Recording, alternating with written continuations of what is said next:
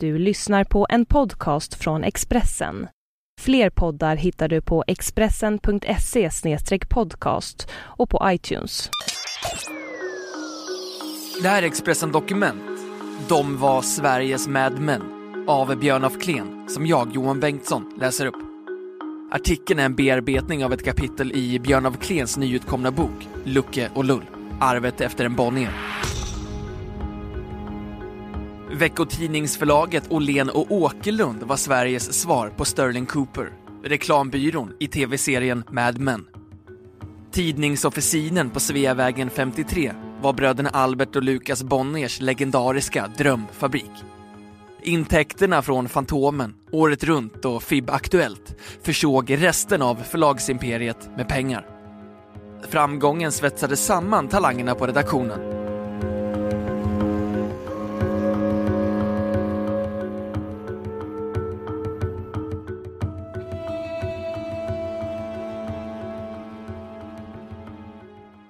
Redan när familjen Bonnier hade firat förvärvet av Åhlén och Åkerlund i skarven mellan 20 och 30-tal hade de unga vackra damerna ur firmans personal förnöjt gästerna med sång och dans på Grand Hotels Vinterträdgården. Åhlén och Åkerlund var av tradition ett ovanligt kvinnligt företag. Ingen annanstans i medie-Sverige arbetade så många självständiga kvinnliga journalister. Här skrev Barbro Alving, Marianne Höök, Annette Kullenberg. Här hade redaktörer som Marianne Fredriksson, Gunni Videll och Maj Santesson makt att utforma tidningar och tala till en kvinnlig publik. Samtidigt var Åhlén och Åkerlund patriarkalt. Förlagets ägare, familjen Bonnier, styrde tidningshuset för egen hand. Efterkrigstidens suveräne auktoritet, Albert Bonnier Jr, hade själv grundat några av de mest lönsamma titlarna som Året Runt, Veckorevyn och Flitiga händer. Mediehusets chefredaktörer var handplockade av Abbe och bundna till honom av tacksamhetens hand, som Veckojournalens chefredaktör Gustav von Platen skriver i sina memoarer. Albert Bonnier Jr hade en kluven blick på de kvinnliga journalisterna Hans inställning verkade pendla mellan blygsel och förtjusning. I det kvinnliga arbetsplatskollektivet såg han ett afrikanskt matriarkat bestående av en oöverskådlig och okontrollerbar massa kvinnor. När de stämplade ut på eftermiddagen förvandlades Sveavägen till en vällagad gräddsufflé. Samtidigt insåg Albert Bonnier att Åhlén och Åkerlund var beroende av yrkesarbetande kvinnor för att trovärdigt kunna spegla sin samtid. Abbe hade själv sett hur flitiga händer bytt namn till Damernas Värld, fått en akademiskt meriterad chefredaktör i Maj Santesson och kunnat redovisa en upplageökning från 50 000 till 200 000 exemplar. När Abbe i februari 1970 fick frågan på Teknologföreningen hur han ser på kvinnliga medarbetare på högre poster svarade han Främst inom designområdet och när det gäller masskonsumtionsartiklar då lider jag inte om en kvinna är med när arbetet läggs upp. På ett motsägelsefullt sätt blir Åhlén och Åkerlund under Albert Bonnier en socialt progressiv miljö där kvinnor välkomnas som fött barn utanför äktenskapet eller övergivit sina män för att få göra karriär.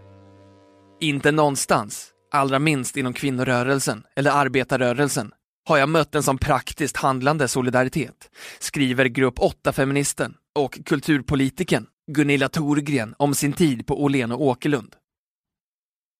Torgren hade som nyskild 19-åring blivit gravid med Sven-Bertil Taube, 60-talets mest åtråvärda playboy vid sidan om kronprinsen. Via Taubes kontakter på Operabaren hade hon fått in fot som sekreterare till redaktionschefen på Veckojournalen. Under Albert och lillebrodern Lukas Bonniers regim hade möjligheterna för kvinnor och män att mötas efter arbetstid blivit fler. Kamratfesterna hade börjat som terapeutiskt samkväm för personalen. När Bonniers köpte förlaget kom festerna att inkludera närvaro av ägarna själva. Det var blöta tillställningar. Ofta pågick samkvämet till gryningen och slutade citat inte sällan i en säng som inte var ens egen, slutcitat, som Gustaf von Platen skriver. När man tar del av vittnesmålen får man intrycket av att Åhlén och Åkerlund, precis som Sterling Cooper i tv-serien Mad Men, står och väger mellan två eror och att företagets dubbla identitet kommer till synes i sexualiteten som präglade redaktionen. Nästan alla söta flickor på Åhlén och Åkerlund hade någon historia att berätta, säger journalisten och författaren Margareta Strömstedt som umgicks i kretsarna kring familjen Bonnier. 50 och början av 60-talet var en ganska promiskuös tid. Alla sekreterarna som lät sig förföras av redaktören, överredaktören eller direktören. Vampen var en 50-talsföreteelse. Nils Petter Sundgren, krönikör och innehållskonsult på Måndagsjournalen, sträcker ut sig i solen bakom sitt sommarhus på Dalarö. Han återkallar en middagsreplik av Veckojournalens militärpolitiska kommentator, Willy Klen. Ja, det är inte det att jag är så kåt. Jag har bara så nyfiken kuk, hade han sagt. Det gamla Åhlén och Åkerlund var mycket patriarkalt, säger Nils Petter Sundgren. Redaktörerna behandlade väl sin redaktion ungefär som ett harem. Även bröderna gjorde lite som de ville, hade älskarinnor, bytte ut folk. Det var en rolig miljö att betrakta, även om den industriellt säkert var väldigt irrationell, säger han. Memoarlitteraturen inifrån Åhlén och Åkerlund gestaltar ofta en känsla av att befinna sig, citat, på en vuxenskola för parningslekar, slutcitat. I Per Rådströms roman Ärans portar nersänks fotografen Astolf Felixson på Åhlén och Åkerlunds reklamavdelning, Sveriges eget Playboy Mansion. Hans uppdrag är att avbilda nya korsettmodeller som Blue Ribbon, en amerikansk import med latexfärgade band i tvärgående diagonalmönster. Ulla-Britta är den idealiska modellen med citat “för stora bröst och för små höfter”. Slutcitat. Astolf Felixson invänder att modellens byxor syns i kameraögat. Så kanske man kan sammanfatta Åhlén Åkerlunds 50-tal. Lustprincipen regerar. Det gäller att hinna bejaka allt som nyss var förbjudet. Ta till exempel ägarnas oförsiktiga umgänge med personalen. Den dundrande tillväxten under seklets mitt sammanfaller i familjen Bonnier med ett växande antal utomäktenskapliga förbindelser. Mellan 1941 och 1962, Åhlén och Åkerlunds guldår, sätter de tre ledande bolagsmännen minst fyra oplanerade barn till världen.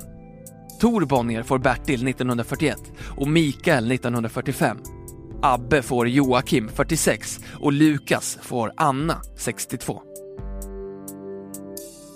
Mot bakgrund av detta nya lättsinne reglerar familjen Bonnier sitt ägande i mycket stränga handelsbolagsavtal. Dessa binder ägandet stenhårt vid den Bonnierska kärnfamiljen. Även om patriarkerna får barn på bygden ska dessa aldrig komma i kontakt med företagsandelarna. Ett av barnen, Lukas Bonniers dotter Anna Toss har försökt utmana bolagsavtalen genom att hävda sin rätt till laglott i Stockholms tingsrätt. När hennes fem halvsyskon fick lika stora bolagsandelar blev Anna utan. Bonnier vann striden. Toss, dotter till Kamratpostens chefredaktör Margareta Toss, har överklagat till Högsta domstolen. Den juridiska affären har satt ljuset på en avlägsen medial era. En epok sammansatt av tunga intäkter, excentriska ägarpersonligheter och stora journalistiska talanger.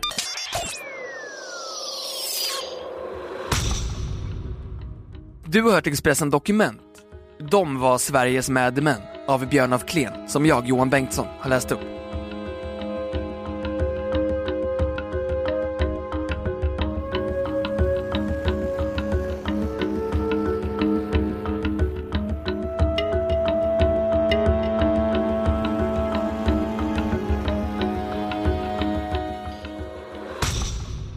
Du har lyssnat på en podcast från Expressen.